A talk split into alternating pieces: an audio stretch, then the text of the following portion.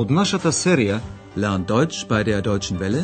Учете германски со Deutsche Welle, чујте ја серијата Deutsch, warum nicht? Германски зошто не?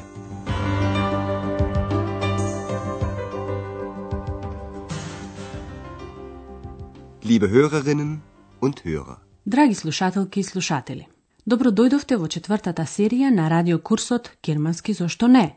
Deutsch, warum nicht? Денес за првата лекција со наслов Тоа е една брилјантна идеја, Das ist eine brillante Idee, се наоѓаме во едно студио на Deutsche Welle. Тука се снима радиокурсот. Сите се собрани заедно. Режисерот, спикерките и спикерите. Но атмосферата при денешното снимање е нешто поразбранувана. Пред почетокот на снимањето на четвртата серија, спикерите сакаат да знаат дали веќе има некакви реакции, реакционен од предходните три серии. Слушнете го разговорот и при тоа повторно ќе ги сретнете или за прв пат ќе ги запознаете главните ликови од јазичниот курс. Gibt es schon Reaktionen auf den Sprachkurs? Ja, wir haben viele Hörerbriefe bekommen. Und was steht in den Briefen? Die kann ich doch nicht alle vorlesen. Das dauert viel zu lange. Nicht alle, aber einige. Bitte. Ja, das interessiert mich auch. Na gut. Aber bitte, machen Sie es kurz. Hier habe ich einen Brief von Herrn Card aus Amerika. Moment. Mir gefallen die Abenteuer von Andreas. Als Portier im Hotel Europa. Mir auch. На спикерот со гласот на Андреас очигледно му се допаѓа неговата улога. Како што може би знаете, првите три серии се одигруваа во еден хотел, во хотелот Европа. Андреас работеше како портир во хотелот, каде и доживуваше различни авантури. Abenteuer. Ова му се допаднало на еден слушател од Америка. Hier habe ich einen Brief von Herrn Card aus Amerika. Moment. Mir gefallen die Abenteuer von Andreas. Als Portier im Hotel Europa. Андреас е тој што на почетокот на сцената прашува. Има ли веќе некакви реакции на јазичниот курс? Gibt es schon Reaktionen auf den Sprachkurs?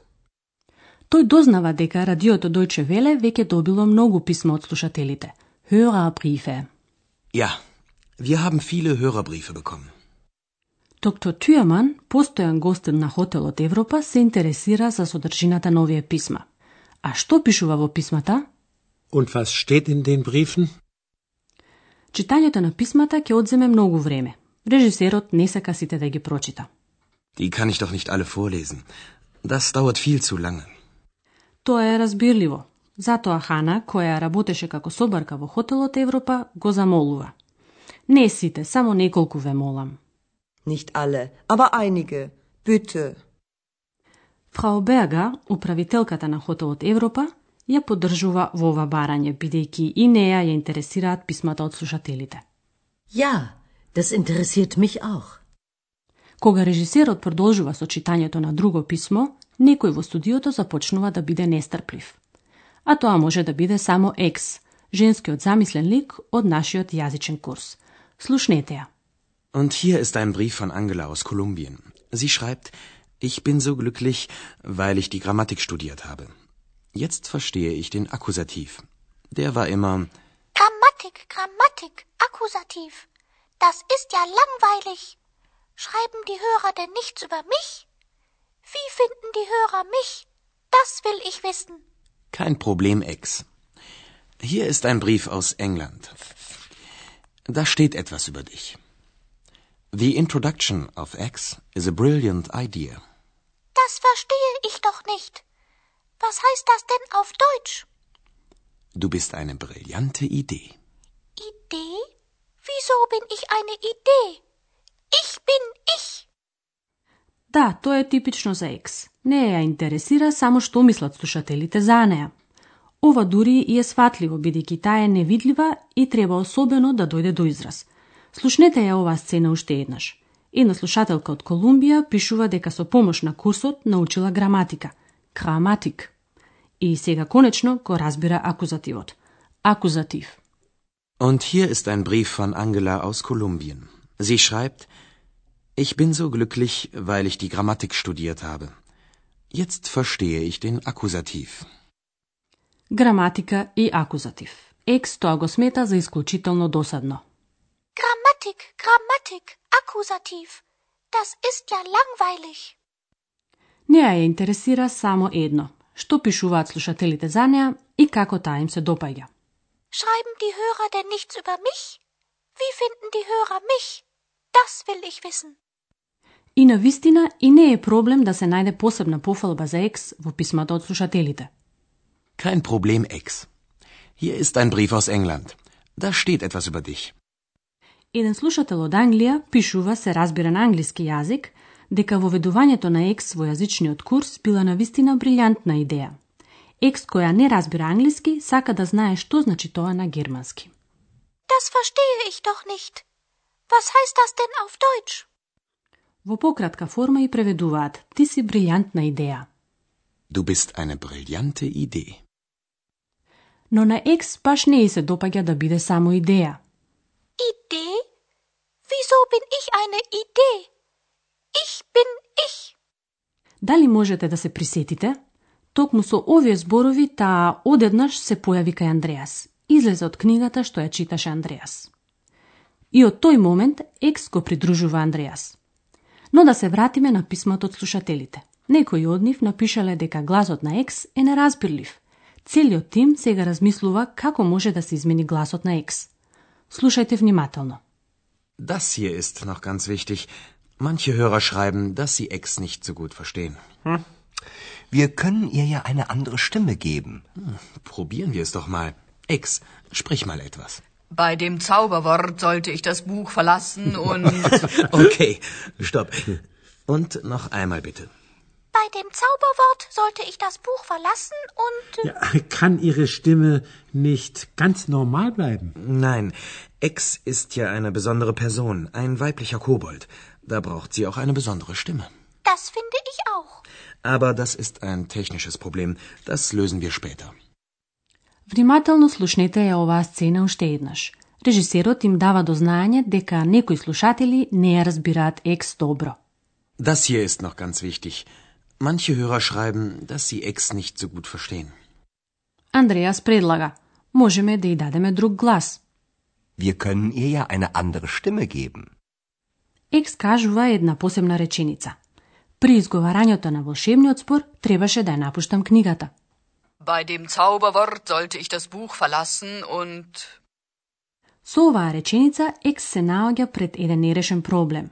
Таа знае дека се наоѓа кај Андреас, бидејќи тој го кажал волшебниот спор. При изговарањето на спорот, таа ја напушти книгата што ја читаше Андреас и оттогаш е кај него. Но и обајцата не знаат кој е тој збор. Доктор Тюаман предлага гласот на Екс да остане сосеме нормален. Нормал. Kann Ihre Stimme nicht ganz normal bleiben? Тоа не му се допаѓа на режисерот, бидејќи Екс е женски коболт, еден невообичаен лик, besondere Person, и неа и е потребен посебен глас. Nein, Ex ist ja eine besondere Person, ein weiblicher Kobold. Da braucht sie auch eine besondere Stimme. Станува збор за технички проблем, технишес проблем, кој може да се реши подоцна. Aber das ist ein technisches Problem. Das lösen wir später. Го напуштаме студиото за денес. Нема да ни остане време за повторување на граматиката, но затоа би можеле самите да погледнете во вашите придружни книги. Сега уште еднаш ќе ги слушнете диалозите. Седнете си удобно и слушајте внимателно.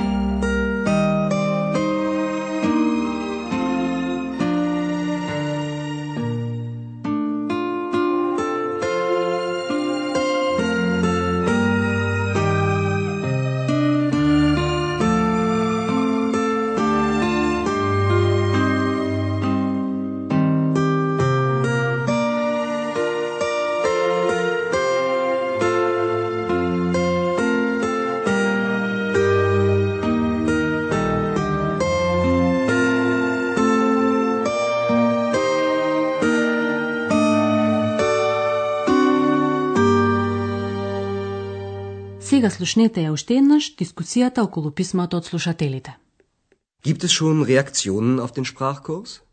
Ja, wir haben viele Hörerbriefe bekommen. Und was steht in den Briefen? Die kann ich doch nicht alle vorlesen. Das dauert viel zu lange. Nicht alle, aber einige. Bitte. Ja, das interessiert mich auch. Na gut. Aber bitte, machen Sie es kurz. Hier habe ich einen Brief von Herrn Card aus Amerika. Moment.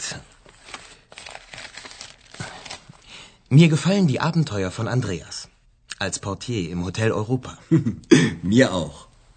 Икс ја интересира само што мислат и што напишале слушателите за неа. Und hier ist ein Brief von Angela aus Kolumbien. Sie schreibt, ich bin so glücklich, weil ich die Grammatik studiert habe. Jetzt verstehe ich den Akkusativ. Der war immer Grammatik, Grammatik, Akkusativ. Das ist ja langweilig.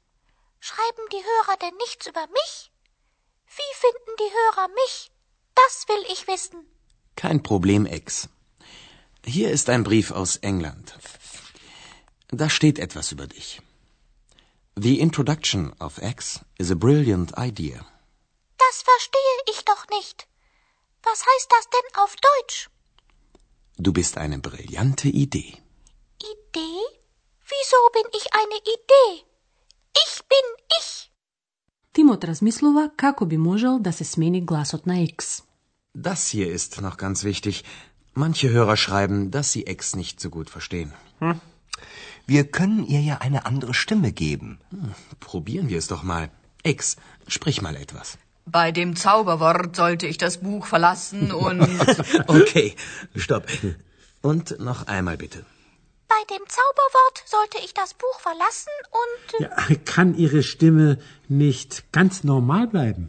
Nein, X ist ja eine besondere Person, ein weiblicher Kobold. Da braucht sie auch eine besondere Stimme. das finde ich auch. Aber das ist ein technisches Problem. Das lösen wir später. Ви ветуваме дека во следната лекција се ќе тече во нормален ред. Тогаш ќе дознаете какви планови имаат ликовите од нашиот јазичен курс. А до тогаш до слушање. Тоа беше германски Зошто не? Радиоговорен курс на Херат Мезе во продукција на Дојче Веле и на Гетовиот институт од Минхен.